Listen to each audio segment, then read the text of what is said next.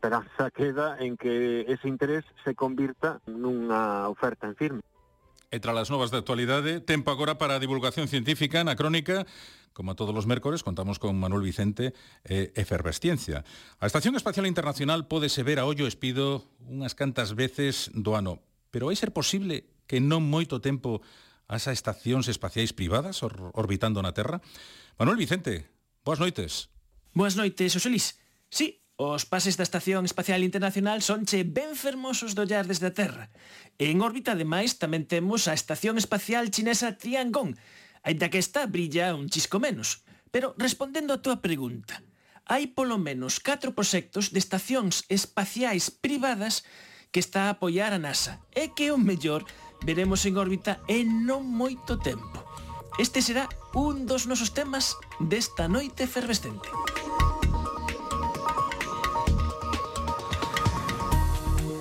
Moi boas noites, un saúdo de Javier Pedreira Huicho e de Manuel Vicente. Somos o equipo de Efervesciencia.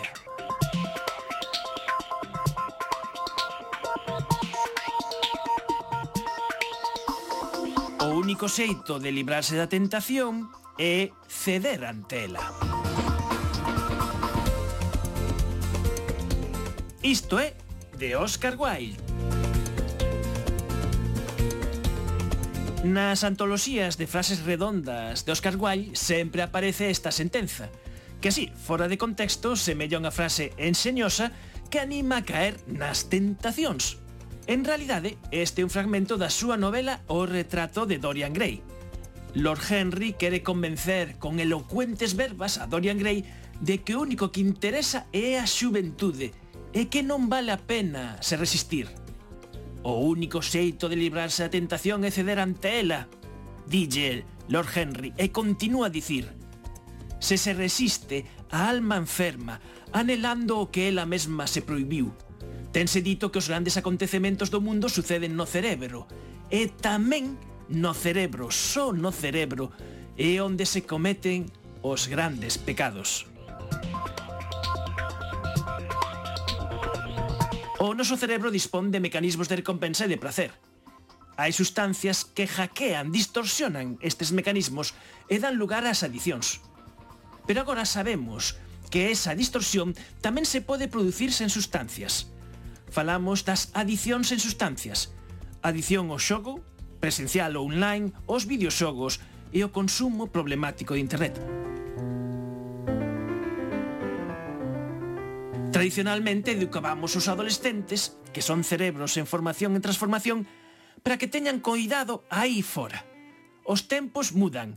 Agora, a tentación témola nas nosas casas, no peto, nun simple móvil. Un de cada catro adolescentes en España ten apostado online. E iso que legalmente non está permitido.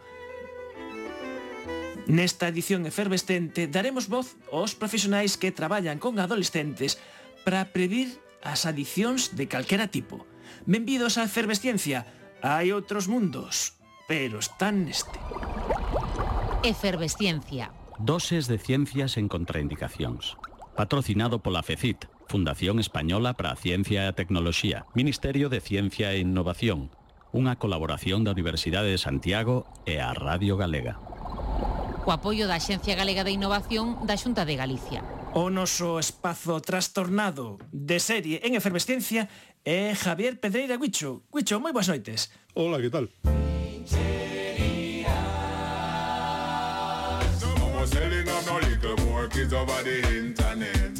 Temos a Guicho un pouco para facer algún repaso de algunhas cousas que pasaron, ou que están a pasar na exploración espacial neste 2021 e facer un pouco reconto de cousiñas. E nós fixámonos de un par de cousas que contades en microservos e unha delas é que mm, neste 2021 que, que pechamos hai unha contaxe de xente que, que está que viaxou o espazo e que recentemente tivemos o récord de, bueno, de, de xente simultánea que, que estivo aí fora dos límites do, da atmosfera do noso planeta que, bueno, esos tamén son discutibles. Non son eh, discutibles porque estiveron por riba eh, dos 100 km de altitude, que é onde se considera xeralmente que remata a nosa atmósfera e comeza o espacio, a línea de, de Karman, chamase eso. Ajá. E efectivamente, eh, hai uns días o terceiro lanzamento tripulado de dunha da empresa de, de Jeff Bezos ou de Amazon, de Blue Origin, puxo eh, a seis persoas a vez no espazo, por encima deses 100 kilómetros, que sumados sumadas as 13 persoas que estaban a bordo da Estación Espacial Internacional máis a bordo da Estación Espacial Chinesa é un récord absoluto de persoas no espazo ao mesmo tempo.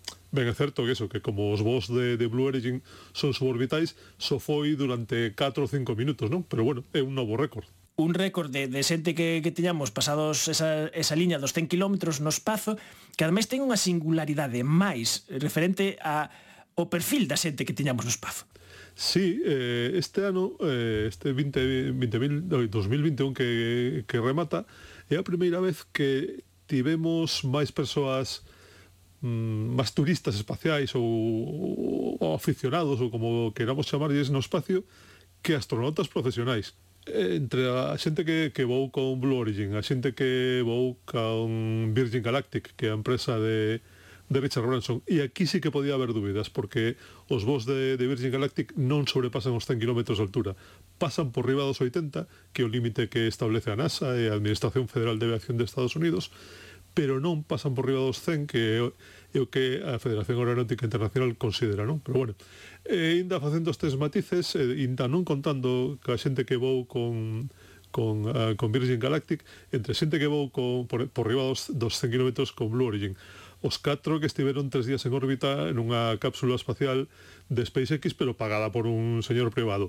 Os dous turistas espaciais que hai agora mesmo na Estación Espacial Internacional e un director de cine máis unha actriz que voaron en outubro á Estación Espacial Internacional suman máis persoas, son 26 ou 22, se non contamos os de os de Virgin Galactic, eh, persoas que estiveron eh, no espacio este ano frente eh, aos eh, 19 eh, astronautas profesionais que estiveron no espacio.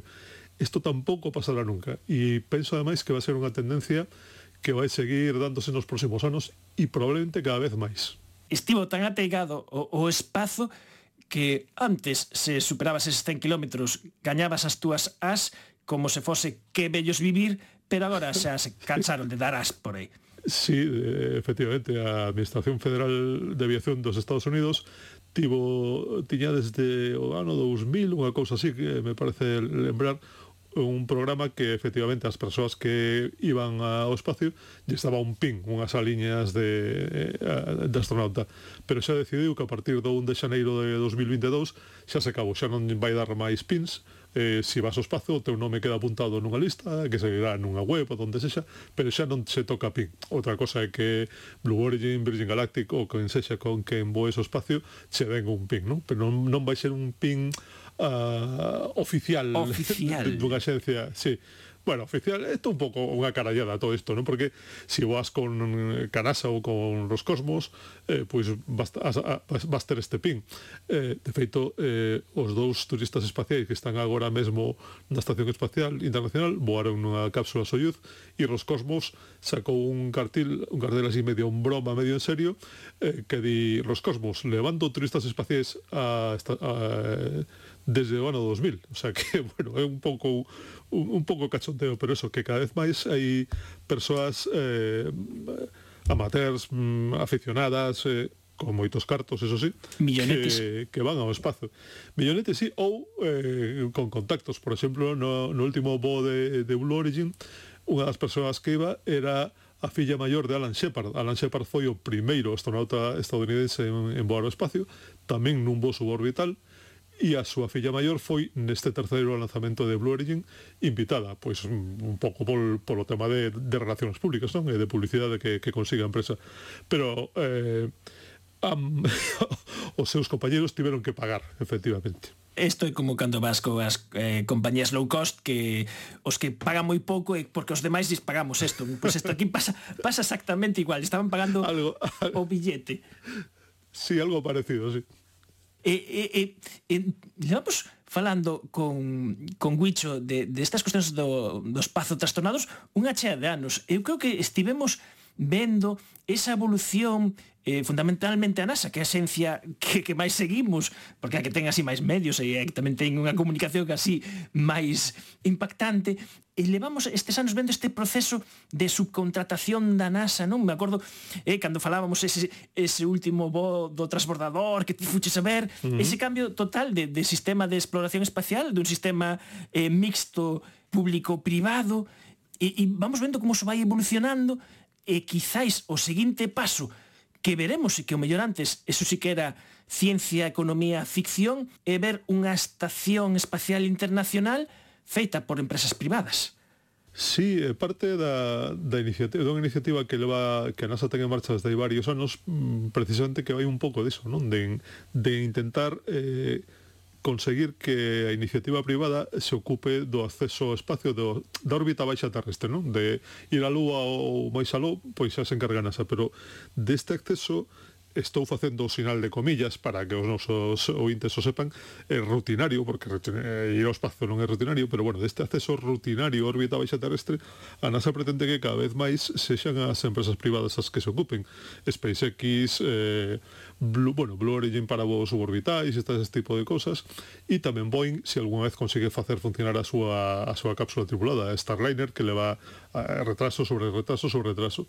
E tamén, efectivamente, está traballando para que algunhas empresas privadas desenvolvan unhas novas estacións espaciais privadas, porque a Estación Espacial Internacional ten unha vida útil que dificilmente vai poder ir máis aló do 2030 aproximadamente, porque, bueno, hai componentes que levan máis de 20, de 20 anos no espacio, e o espacio é un, un entorno moi duro para, para este tipo de cosas, non?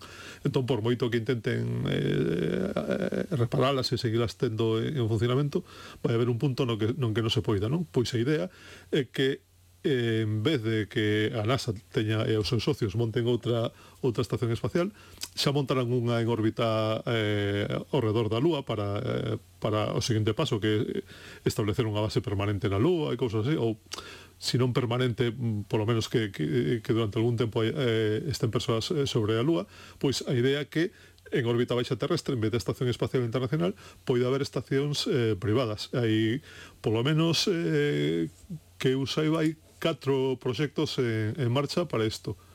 Eso significa que poder, podía darse o caso de que os nosos ollos vexan non só unha, senón varias estacións eh, espaciais privadas, que dicir que o mellor culminan varios proxectos.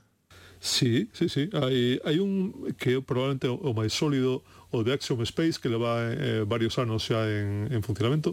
E, de feito, Axiom ten permiso da NASA para, se non hai retrasos, en 2024 eh, enganchar o primeiro dos seus módulos da, da súa estación da súa futura estación espacial enganchou a Estación Espacial Internacional para ir eh, ensamblando algúns deses módulos, pois eso, eh, conectados á, á Estación Espacial Internacional pois, para que a Estación Espacial teña máis espacio, para que os de Axiom poidan ir eh, facendo probas.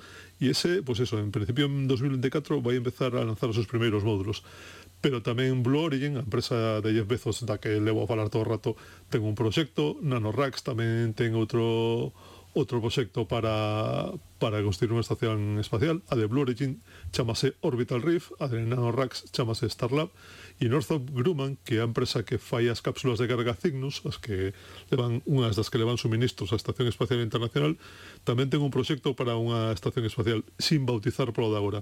E estas tres últimas, a NASA hai pouco eh, deullos uns cento e pico millóns uh, de dólares, 130, 160 e 125, se non me lembro mal, para que desenvolvan máis en firma os seus proxectos a ver eh, se si algún deles eh, pois eso, se convirte en en algo máis cun, cun proxecto en PowerPoint, por decirlo así. E, e aí, comentades aí con un chisco de ironía en microservos que aí Jeff Bezos non protestou a NASA por esa concesión.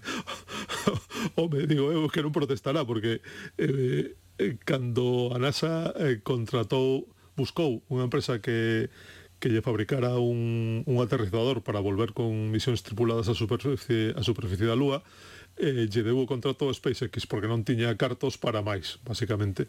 E Jeff Bezos rebotouse moito e eh, primeiro eh, fixeron unha, unha protesta a, a NASA directamente dicindo que, que, que a xudicación estaba mal, a NASA digo, dixo que non, que estaba ben, logo foron aos xulgados e os xulgados dixeron de novo que non tiña razón.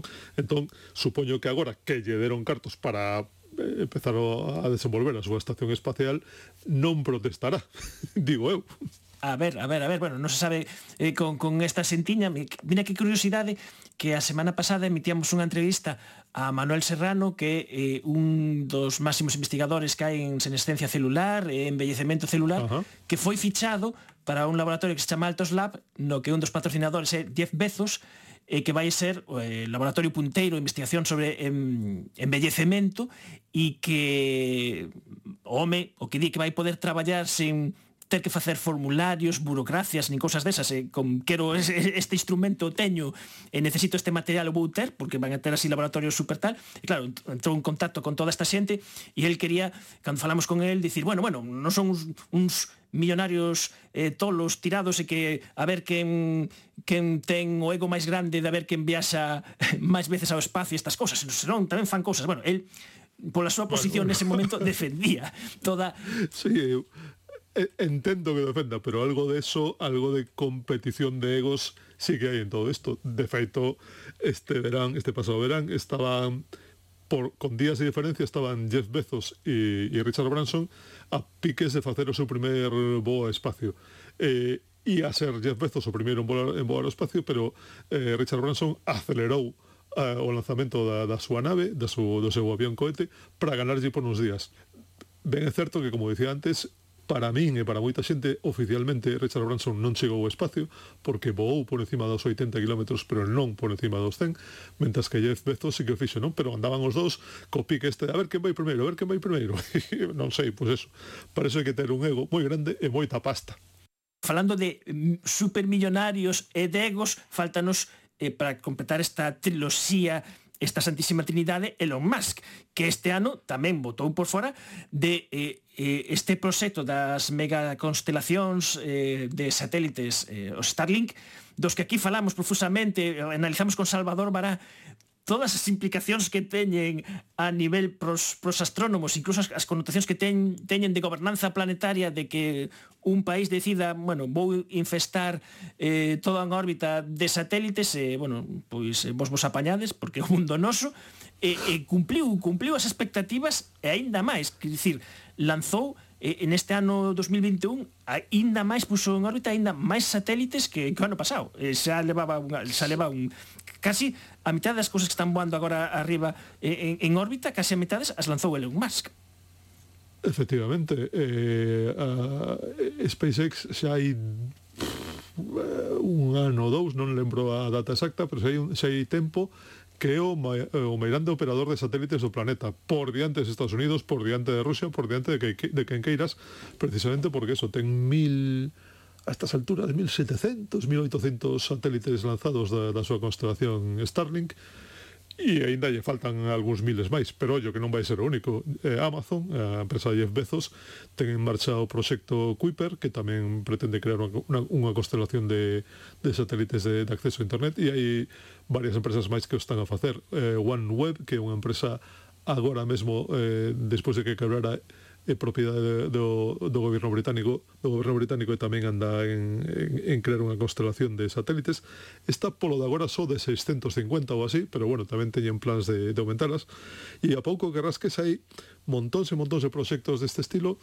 porque hai pouco remataba un plazo eh, para solicitar eh, licenzas de, de radio, porque claro, ti si lanzas un satélite que vai emitir sinais de radio necesitas unhas licencias, inda que só sexa eh, para o operador eh, estadounidense, a, a Comisión Federal de, de Comunicacións. E o mes pasado, ou en outubro, non, non lembro ben, remataba un plazo de solicitude de, de licencias e, bueno, pues, houve unha avalancha de, de, de empresas que din que van a, a lanzar centos ou, ou miles de satélites. E efectivamente é un problema, un problema porque, bueno, cada un fará como lle pareza, SpaceX polo menos está intentando fixo varias modificacións nos seus satélites para que supoñan menos problema de, de contaminación lumínica para que non, non teñan ta, eh, tan non, non reflecten o, a luz do sol tan, tan forte pero bueno, é un tema que que obviamente vai ter complicaciones. Pero por outra banda, eh, para xente, o sea, para, para rexións como a nosa, como Galicia, donde o acceso eh, a internet no rural é complicado, este tipo de constelacións son unha solución moi viable a un problema serio, porque hoxe en día non ter unha conexión a internet, pois pues bueno, eh, vale que é un problema do, do primeiro mundo, pero é un problema non tela. temos aquí casi como co corresponsal 100 km para arriba eh, do noso planeta a Javier Pedreira Guicho que é unha metade de microservos.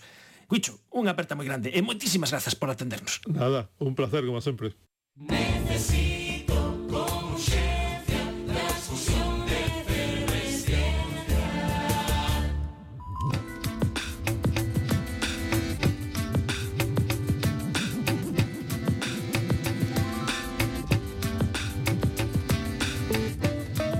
Estamos na Facultade de Psicoloxía da Universidade de Santiago, no despacho do profesor Antonio Real Bobeta. Moi boas noites, Antonio. Boas noites. As vosas investigacións, as vosas pescudas, entre outras cousas, están centradas eh, nos adolescentes, eh, perigos os que se poden afrontar. Entre eles, por exemplo, as adicións. Eh, coñecemos clásicamente as adicións a substancias, pero sei que que agora temos que ter moi en conta a adición sen sustancia. Fixeches aquí unha xornada que explicaremos de que vai aquí en psicoloxía e falabas de que hai tres adicións sen sustancia, dúas das cales están recoñecidas e unha aínda non. As adicións sen sustancia son tres e unha non o é, según a OMS. É dicir, non o é porque non hai evidencia clínica suficiente, terán que pasar uns aniños máis, para que este recoñecida. Pero as familias teñen ese problema e a rapazada ten ese problema.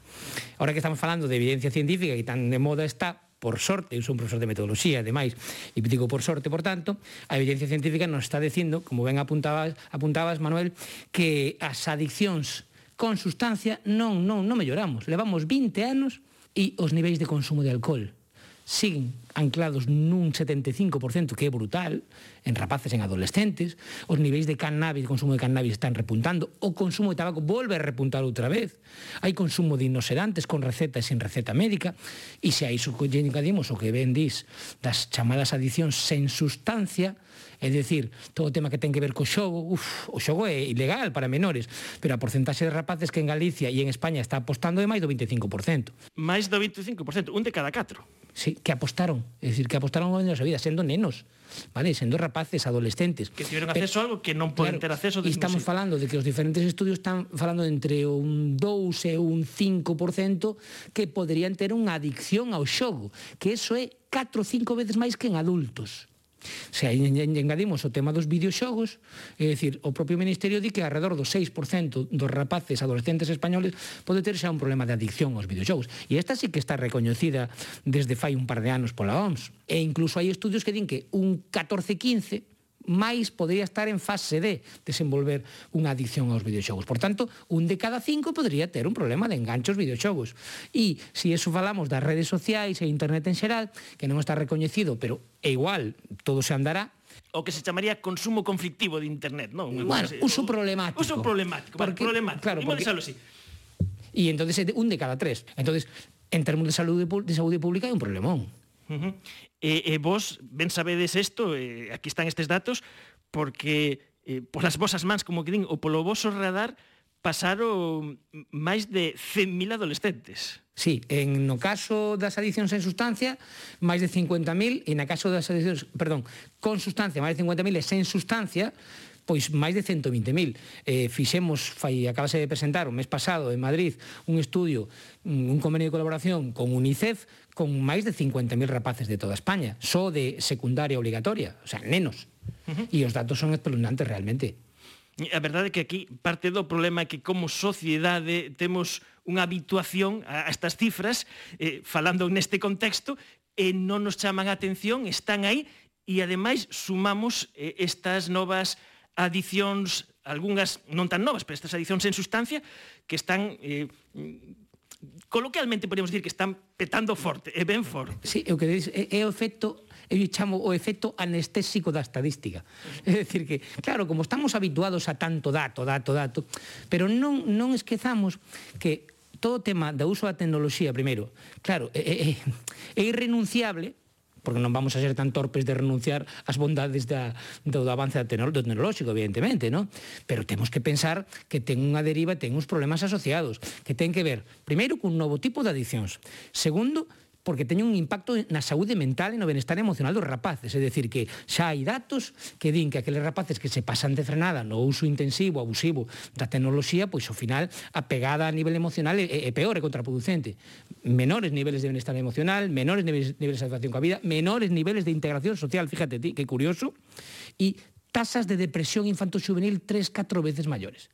Despois, ten unha pegada tamén a nivel de saúde xeral, é dicir, de temas de alimentación, temas de sedentarismo, de obesidade, etc., etc., de estilo de vida, e a nivel de socialización, a nivel de convivencia familiar, un de cada cinco fogares din que, bueno, cada cinco rapaces españois din que, cada catro, perdón, din que hai follóns todas as semanas por tema do móvil.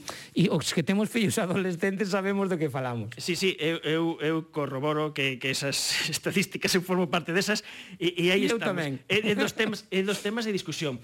E, e falabas do teu interese, do vosso grupo de investigación, polas cuestións de validación científica de evidencias de metodoloxía e, e en este caso vos eh, presentastes eh, recentemente nunha sonada que se fixo aquí nes, nesta facultade precisamente a unha proposta que tedes de implantación dun modelo que se chama SBIRT para eh, unha intervención, detección e intervención precoz. rápida, precoz, preventiva, un, cos, un, un tanto o mellor como un minority reports, pero que non tanto, pero para actuar eh, nestas circunstancias. Eh, Imos, entón, por partes, que este modelo SBIRT que, eh, que empezou a, alendo Atlántico, e, e, e logo vos como porque había que validalo aquí en Galicia.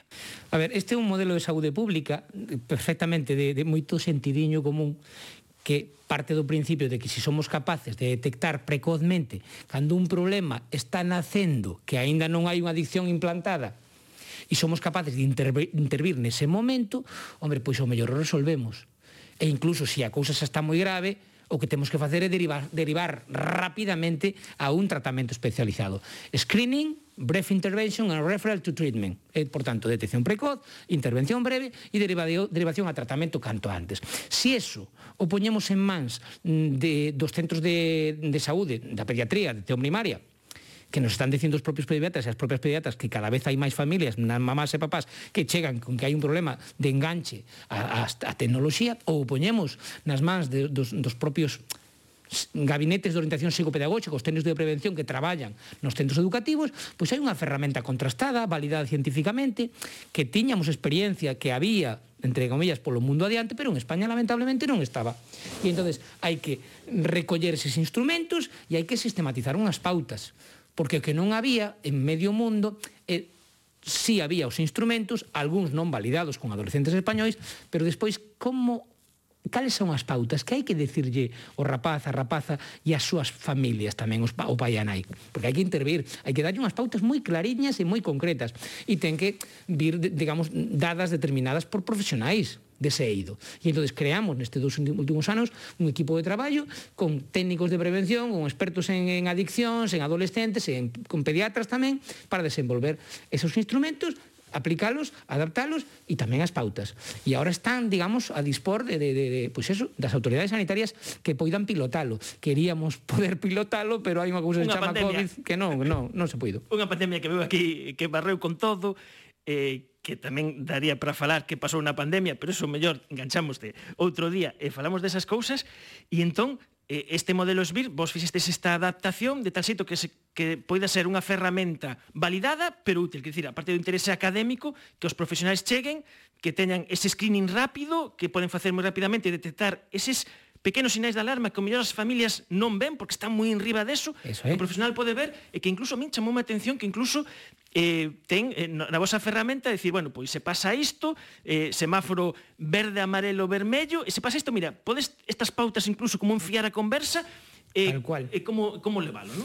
Claro, e despois, claro, todo isto ten que ir acompañado dun, dun plan de formación, dunha formación, porque non solamente se trata de, de que teñan claro que é o que teño que preguntar, e de alguna maneira, como aplicación informática xa teñen no seu ordenador, claramente fan esas preguntas, lle dan a executar cribado e xa o resultado, coas pautas que teñen que decirlle. Pero bueno, esas cousas tamén hai que formar en esas habilidades, non solamente saber que teño que decir, sino como o teño que decir e como levar a cabo o seguimento.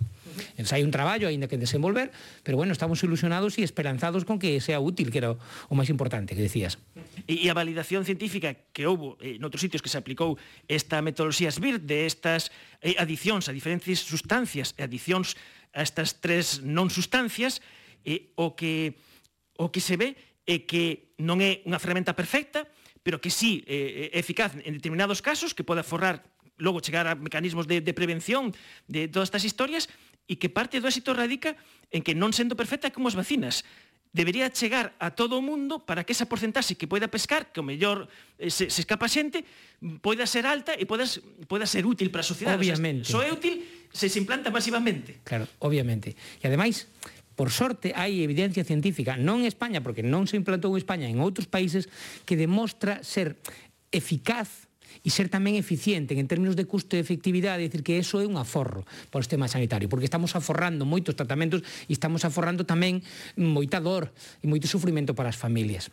E entonces, bueno, eu creo que, que hai evidencia suficiente. O que sí que se sabe tamén que ten un efecto significativo, mm, contrastado a curto plazo, pero a medio largo plazo, como non fagamos outras cousas, evidentemente con isto non se soluciona, como ben dis. Uh -huh. E coido que o mellor é o momento de ver como pode ser recibida unha ferramenta como esta polos asentes implicados. Eh, nesta sonada precisamente de, de presentación, eh, tivestes a, a, a tola idea de facer un debate con personas implicadas desde as eh, eh, federacións de asociacións de pais, eh, unha pediatra, eh, unha asente titora da policía local que coñeceremos, E, eh, bueno, e dixetes, bueno, Manuel, por favor, eh, fai moderación deste debate e, e ali fixemos o que pudemos. É que, sabes o que pasa? Eu que te coñezo desde fai moitos, moitos anos e teño o privilexio, bueno, de ter además unha relación non só profesional, sino personal contigo, a min me viñas de perlas, porque normalmente cando deixas para esta parte final o debate entre profesionais que están no día a día, ¿no? en diferentes lugares da, da comunidade, pois cada un, bueno, veño a falar do meu libro e conta, aproveita os 10 minutos, a veces incluso con unha presentación PowerPoint, pero non hai debate. Entonces, está prohibido PowerPoint, está prohibido lápiz, papel, nada, e Manuel se encarga e Manuel vos vai quitando. O sea que nos encantados e moi agradecido, Manuel. Como aquí en Efervesciencia aproveitamos todo e pensamos que o debate foi ben proveitoso, longo, pero proveitoso, o que imos facer é escoitar unha, unha escolma deste debate de ver cale a problemática real a pé de, de rúa, a pé de casa, a pé de familia, a pé de profesional de eh, a prevención aquí en Galicia das adicións ás sustancias e adicións sen sustancia. Grazas por esta presentación, por dar o contexto a todo isto, a ver como vai este SBIRT e máis proxectos que tedes por aí, o sea que habemos de seguir a, a falar e escoitamos este debate que tivo lugar hai un par de semanas na Facultade de Psicología da Universidade de Santiago a Antonio Real Bobeta. Eh, moitísimas grazas por liarnos, porque o tema é ben interesante. A ver que lles parece os nosos, os nosos ointes todo este debate. Moitas gracias.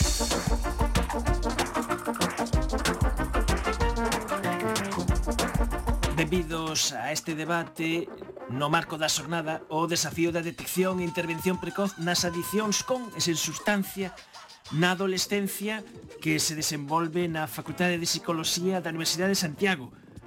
Os nosos convidados son Fernando Lacazi, Belén Montesa e Isabela Rodríguez. E se vos parece, imos facer unha primeira rolda no que nos ides dar as vosas, as vosas coordenadas para saber por onde andades nestes mundos. Fernando, moi boas noites. Moi boa noite. Fernando Lacazi, que é o presidente da Confederación de Ampas Galegas. O sea, que, bueno, ti és o meu representante aquí. Eh, sí, eu son, como decía antes Antonio, el padre, non? que é unha, é unha cousa que se fai moi, moi da cotío, decir, bueno, cando hai que falar coas familias, se fala coas ampas. As ampas somos un sector que nacemos no eido puramente escolar para unificar a, a a relación das familias nas comunidades educativas e en breve, aos 15 minutos aproximadamente de entrar, nos decatamos que o escolar é unha cousa, o educativo é outra e que temos que traballar no eido educativo. Por iso, cada, cada vez ampliamos máis a nosa, a, a nosa presencia, iba a decir, quizáis non, os nosos intereses, en todos os aspectos que teñan que ver co desenvolvemento do crecemento dos, dos chavales e das chavalas. Eh, certo é que nos intentamos meternos e nin os propios chavales nin a administración nos deixan pero non deixamos de ter ese interese de traballar por unha formación integral. Todo o que estamos falando aquí hoxe ten moito que ver con esa formación integral, non? Coa capacidade de, enfrontarse de enfrontarnos nós como pais e os nosos chavales como, como adolescentes ou como nenos con todos os retos e dificultades que a vida ten. As adicións son un máis, tampouco, tampouco vamos a, a pensar que é o único. Moi ben, bueno, pues, temos aquí o, o representante aquí dos pais e, e das nais e a seguinte componente desta mesa que temos na Facultade de Psicología da Universidade de Santiago no no eido deste, desta xornada sobre adiccións con e, son, e sin sustancias en adolescentes é Belén Montesa, que é psicóloga experta en prevención de adiccións. Belén, moi boas noites. Hola, buenas noches.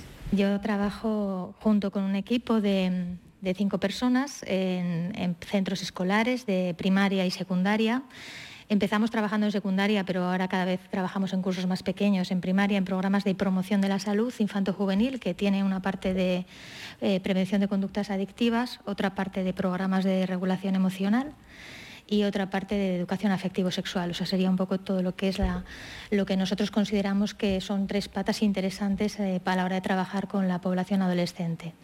Trabajamos en centros muy diversos de, situaciones socioeconómicas muy diversas, pues muchas situaciones que, no están teniendo la respuesta adecuada ya antes, pero a raíz del COVID, pues todavía más, porque el COVID ha, visibilizado cosas que estaban eh, más ocultas y, y también la propia situación de trauma colectivo a nivel global que estamos viviendo, pues lo que ha sido muy bueno para la salud física, el aislamiento y todas estas cosas, pues para la salud mental ha sido devastador, sobre todo en la parte de población más vulnerable que son los adolescentes y los niños. ¿no? Eh, eu teño que confesar que temos un nexo, Belén, ti non o sabes, eu sí, é que eh, as miñas nenas adolescentes e preadolescentes pasaron polas túas mans e eu como pai fun un dos teus obradoiros que deches para pais. Pois esa que teño unha boa estima, tú. Me alegro. e seguimos eh, coa última convidada eh, desta mesa para ver eh, cal é o papel do traballo en equipo dos diferentes implicados nas adicións con e sen sustancia nos nosos, nas nosas adolescentes, que é Isabela Rodríguez, que é orientadora do IES a Cachada de Boiro, que vos estades cos nosos adolescentes unha boa parte do seu tempo. Bueno, pois boas noites. Eh, pois iso, eu son Isabela Rodríguez García, son orientadora dende hai oito anos do IESA Cachada de Boiro, levo como orientadora pois case 18 anos, ou xa 18 anos. Eh, neste centro no que traballo está situado eh, pois no, no Barbanza, é unha zona bastante eh, asociada ao consumo de sustancias, temos bastante normalizado o consumo de sustancias, Eh, traballo con casi 500 alumnos da ESO, non temos bacharelato, e polo tanto traballamos con, con menores, o que incrementa o compromiso e a responsabilidade eh, co seu desa, desenvolvemento integral. Isto fai que sexa un centro particular, porque é unha franxa, digamos, a máis vulnerable, non dos 12, 13, ata os 16, 17, 18 anos. Eh, bueno, non só que tratamos, apostamos por unha línea clara de, de prevención e de intervención, o noso lema, por así decilo, é coñecer o alumnado, por iso me, me, me fai gracia, porque ás veces nos somos moi conscientes de que ten un problema de, de consumo. E o difícil a veces son as familias e o difícil a veces é derivar, pero tratamos de, de coñecer o alumnado para comprendelo, e tratamos de comprendelo para poder intervir e traballar con el. E que os equipos docentes sensibilicen, tomen eh, conciencia de, da súa situación e que podan adaptar a resposta educativa ás necesidades de, de todo alumnado. Neste momento temos casi 100 alumnos con necesidades específicas de apoio educativo, eh, o que implica ter uns coñecementos superdiversos, desde un espectro autista, unha dislexia, discalculia, a nenos con vulnerabilidade social, eh, déficit intelectual, trastornos da alimentación, eh, eh, con, con conduta aditiva tanto a pantallas como a, a pues, sobre todo con sustancia marihuana, tabaco e alcohol, pero a marihuana quizá é o que vemos como que fai máis estragos, non é que sea peor, pero que notamos nos que fai eso máis como máis problemático eh, o que requiere que claro, teñamos unha forma de, requiramos dunha formación que moitas veces non temos. É unha, unha poboación moi moi diversa. E unha vez que temos ese plano un pouco de, de saber quen é cada quen, pois se hai que derivar, derivamos e aí encontramos o problema. Co panorama destas eh, novas adicións que agora chega moi facilmente ao interior das nosas casas, porque algunhas delas o, o seu medio de propagación, por así dicir, veñen coas novas tecnoloxías que son fantásticas, pero teñen esa eh, dobre cara. Non sei se, para empezar o debate, se nos cremos que realmente eh, estamos expostos, eh, os nosos adolescentes están expostos a un perigo, é unha cuestión que pasamos desguello, que banalizamos. Calquera, calquera pai neste momento, calquera nai que vexa o pillado e queda un fillo diante dun... independentemente de que o potencia ou non o pillado de que era un fillo diante dunha pantalla, diante dun xogo, eh, enseguida se decata de que eso pode ser un problema. Outra cousa é que non teñamos as ferramentas, que non teñamos o coñecemento, que non teñamos a experiencia, que para nós, no fondo, moitas veces esquecemos que nacemos a este mundo digital en moitas ocasións, casi ao mesmo tempo que os nosos fillos, e en consecuencia non sabemos como actuar. Non? Pero eh, eu, eu non diría que que existe ignorancia ao respecto. ¿no? Existe quizáis a mesma ignorancia que puido existir eh, 30, 40 anos atrás ao redor do tabaco, cando todos sabíamos xa que era malo, pero queríamos mirar para outro lado e decir, bueno, eso máis ou menos pasalle a outro, porque aquí todos fumamos e non morre ninguén. Eh, non morrían, claro, os que estábamos fumando, non, estábamos vivos co, co, paso do, co paso do tempo, que, cando empezamos a decatarnos de que o problema está aí, está moi forte e, e é moi vicente, empezamos a reclamar solucións. As solucións quizáis xa sexan obxecto de outra participación, pero sempre deberían vir moito máis apoiadas do, do que están. Non? Eh, hoxe se fixo aquí moita, moita referencia ás familias, eh, eu non, non quero negar esa referencia necesaria, pero sí quero dicir que as familias son a, somos a sociedade. Non, non existe un colectivo de familias, non existe un colectivo de pais ou nais. Todo o mundo ten, ten fillos, de, to, todo o mundo tivo pais, eh, e a, a, a necesidade de artellar isto está moi por encima do, do ámbito familiar. Está, eh, é un ámbito social conxunto, no que se debería eh, crear unha fórmula de traballo compartido totalmente diferente de que ahora podemos estar vivindo. Sabela. Nos agora, máis que nunca, dende o confinamento que se fixo un uso abusivo das pantallas, vemos claramente eh, problemas eso, pois de, de ciberadicción.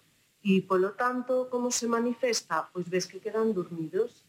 Algunos zombis, mm, pola mañá, pois hai tamén bastantes que hai que, que, hai que atender, que hai que adicarles tempo. E xa os adolescentes eran medio zombis, que decir, estamos chovendo sobre mollado.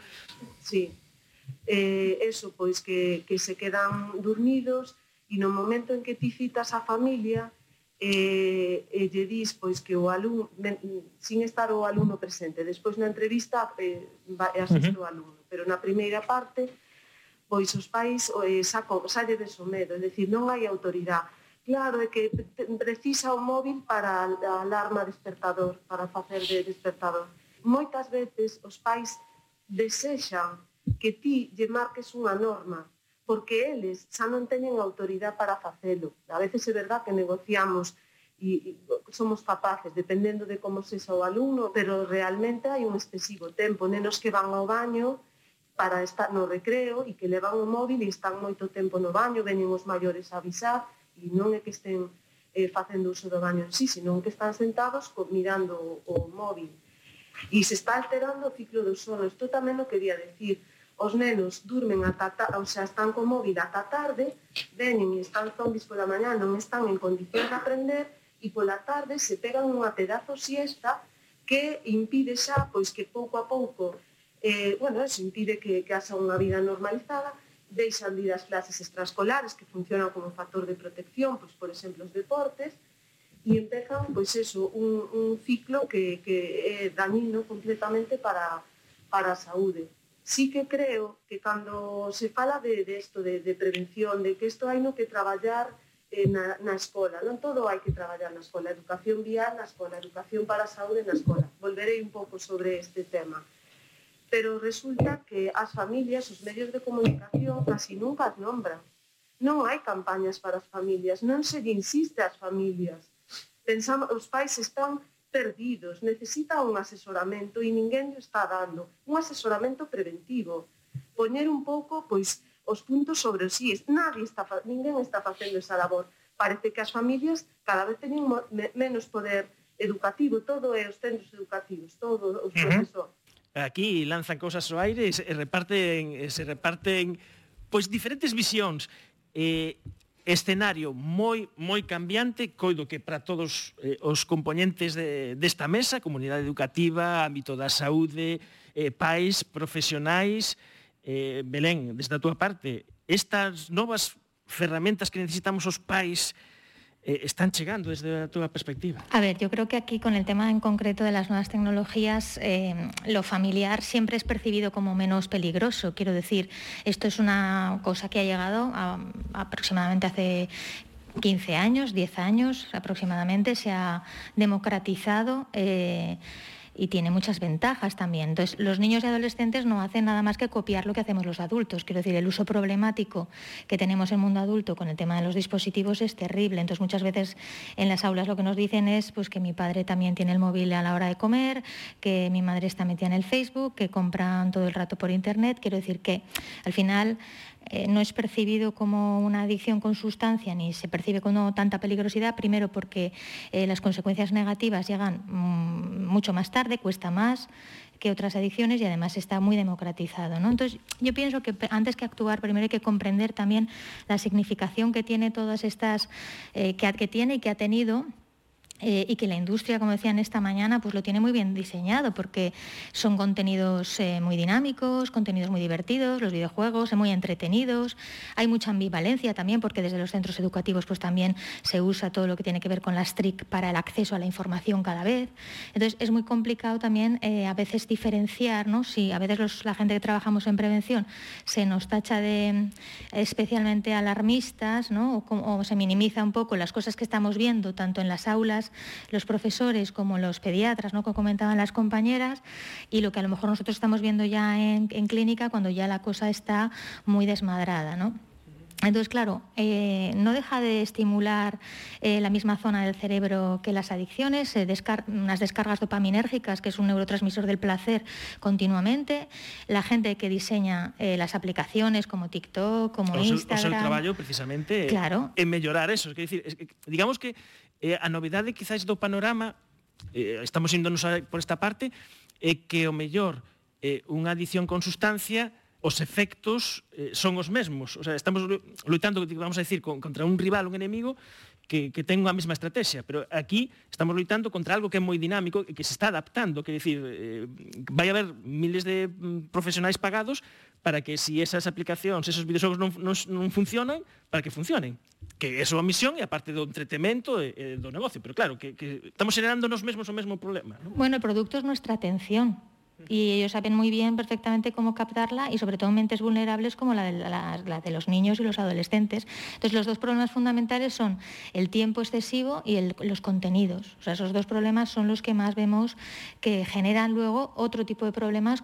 Las familias, bueno, eh, los datos que comentaba esta mañana, el estudio de UNICEF que ha presentado el compañero y Antonio, pues queda mucho margen de mejora quiero decir, programas de, protección parental, eh, supervisión, acompañamiento, normas, o sea, los porcentajes no me acuerdo, pero creo que, que eran, quiero decir, hay un margen de mejora tremendo, ¿no?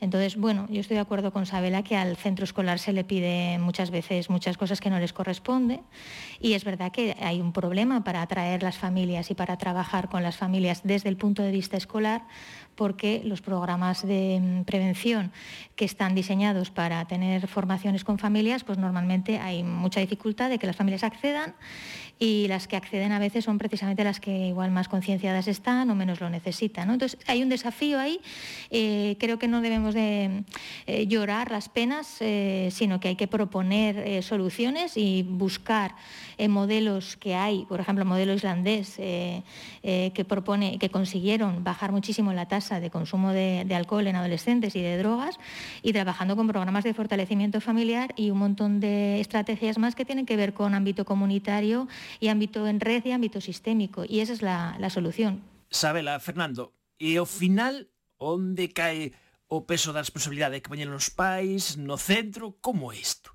Pero que sí se debe poñer a carga nos pais, o que non se debe poñer a carga exclusivamente nos pais. O sea, a carga hai que poñela en absolutamente todas partes. Non? A carga é social, a carga é profesional, a carga é familiar. Sabela. O final, eh, eh, que, un, que un técnico de prevención, que unha persona que vai a dar intervención entre nun centro, vai a depender da voluntariedade do centro. Entón, enlazando esta idea co que un profesor non é non se lle pode presupoñer unha carga formativa porque non é un técnico de prevención. Vale, entón non pode saber de cambio climático para educar aos nenos nunha educación ambiental, non pode saber de educación afectivo sexual, de violencia machista, de alimentación saudable, non pode ser un técnico de todo eso, aparte ser docente. Isto implica que hai que replantearse un, un plan un protocolo eh, de prevención. Na Consellería de Educación hai protocolos de risco suicida, de intervención en, en disforia de xénero, en identidade de xénero, eh, para todas as necesidades, déficit auditivo, eh, déficit visual, altas capacidades, dislexia, trastorno de déficit de atención con hiperactividade. E non hai un protocolo de saúde mental nin de prevención de, de intervención ante unha, unha conduta aditiva. Co cual non hai unha estructura, non hai unha obrigadidade de que os centros abran as súas portas á prevención e moitas veces sean nos as costas, porque ora a Consellería de Educación, se si queremos que, por exemplo, o equipo de, de Belén Montesa veña ao noso centro, temos que presentar un proxecto, elaboralo, que o claustro este de acordo e despois recibimos unha subvención que, que moitas veces é un, unha pequeñez, para que veña un experto, porque nós queremos abrir o noso centro, como o meu centro todos, a xente experta no, no, no tema. Ter a posibilidade de que as familias poidan tamén falar con, con, con xente experta igual que o, que o alumnado. Entón, eu sí que creo que debía de haber técnicos, bueno, isto é algo utópico, pero como escoitei unha vez a utopía marca a dirección, técnicos de prevención de zona que puderan ir aos centros tanto de primaria como de secundaria desa zona, que puderan facer unha intervención e ademais unha intervención sí que sería preventiva e longitudinal no tempo, porque ao final vas coñecendo, igual que os que veñen pois de Cruz Vermella, saben cuarto, coñecen os de primeiro, pois e vemos que en Cruz Vermella estamos contentísimos, pero moitas veces os profesionales non están formados e esa é a realidade. Confunden ás veces, pois o millor, eh, bueno, temos atopado así distintas cousas, non? Sobre, sobre, sobre o tema. Eh, co cual, eu creo que sí que debíamos de, de, de apostar por, por un sistema ou un, de, de prevención, unha, unha rede, o que falábamos antes, un protocolo que implica unha rede comunitaria. Dende Boiro estamos traballando co Concello e hai, hai intención niso, xa levamos algún tempo E, de feito, temos unha, os espazos Familias Boiro, que é unha asociación que creamos todos os docentes, o sea, representantes de todos os centros de Boiro, e que traballamos con, con distintos técnicos de prevención, tamén viu, asistiu Antonio Rial algunha vez, Isorna, Belén Montesa, e tratamos de facer eso, de, eh, comunidades de aprendizaxe coas familias e con expertos.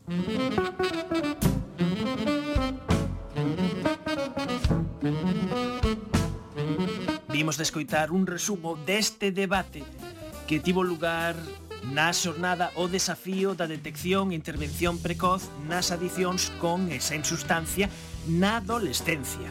Cuidemos escoitar as intervencións de Fernando Lacazi, presidente da Confederación de Ampas Galegas, Belén Montesa, psicóloga, experta en prevención das adicións, e Isabela Rodríguez García, orientadora do IES Cachada de Boiro. Moitas grazas aos tres. Gracias.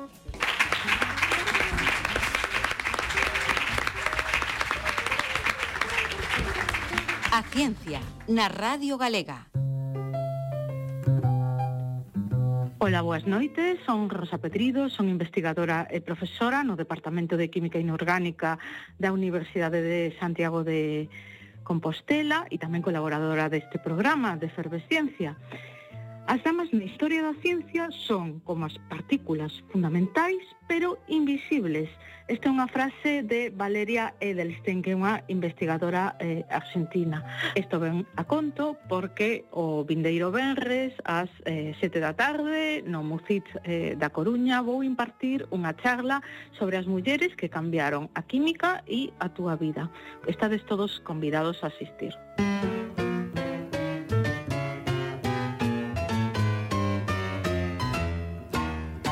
Efervesciencia. Patrocinado pola FECIT, Fundación Española para a Ciencia e a Tecnoloxía, Ministerio de Ciencia e Innovación, unha colaboración da Universidade de Santiago e a Radio Galega. Co apoio da Xencia Galega de Innovación da Xunta de Galicia. Os de Efervesciencia volvemos o mércores que ven. Adeus. Adeus.